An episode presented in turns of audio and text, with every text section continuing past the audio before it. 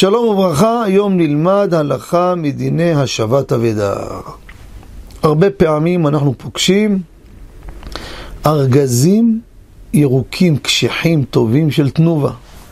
הילדים שמים את זה בתור ארגז תובלה על האופניים שלהם.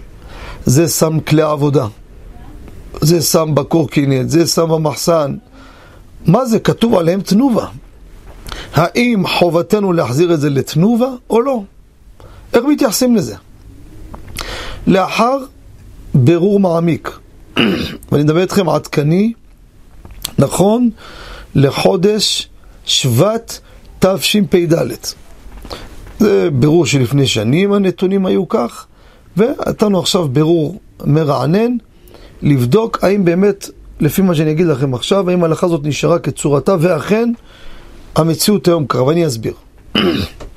הארגזים האלו, נכון שהם רכוש של תנובה, אבל בתנובה עומדים על הדבר הזה, אוכפים את זה, שסופר, מכולת, מי שהזמין חלב שמקבל את הארגזים, רשום בהזמנה קיבל 30 ארגזי פלסטיק. הוא צריך להחזיר את ה-30. אם לא יחזיר, ישלם על כל ארגז, לא יוותרו לו. אני מכיר מישהו עובד באיזה ארגון חסד גדול, שם ישמור לו עליכם לנו פרצה שרפה, ונשרפו כל הארגזים, תנובה גבתה מהם עד הגרוש האחרון. זאת אומרת, אם אני פוגש ארגז זרוק ליד פח זבל, או ברחוב, ואין סימן מדבקה שם של מישהו, רק תנובה. זה לא של תנובה רבותיי. למה לא של תנובה? כי שהם הוציאו את זה, כבר מישהו שלקח את זה שילם לתנובה. כשהוא שילם לתנובה, זה כבר זה שלו. עכשיו, מי זה הוא? אין לי סימן. כמו כל חפץ שאין בו סימן.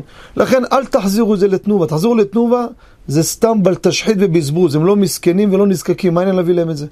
מצאת ליד הפח, מצאת מקום שאין סימן, הרי אלו שלא הרווחת. אתה רואה ליד סופר, תפעיל ראש. זה כנראה של הסופר. תיגש, זה שלו, למה שלו?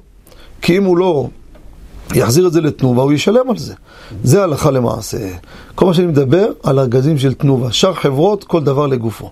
תודה רבה וכל טוב.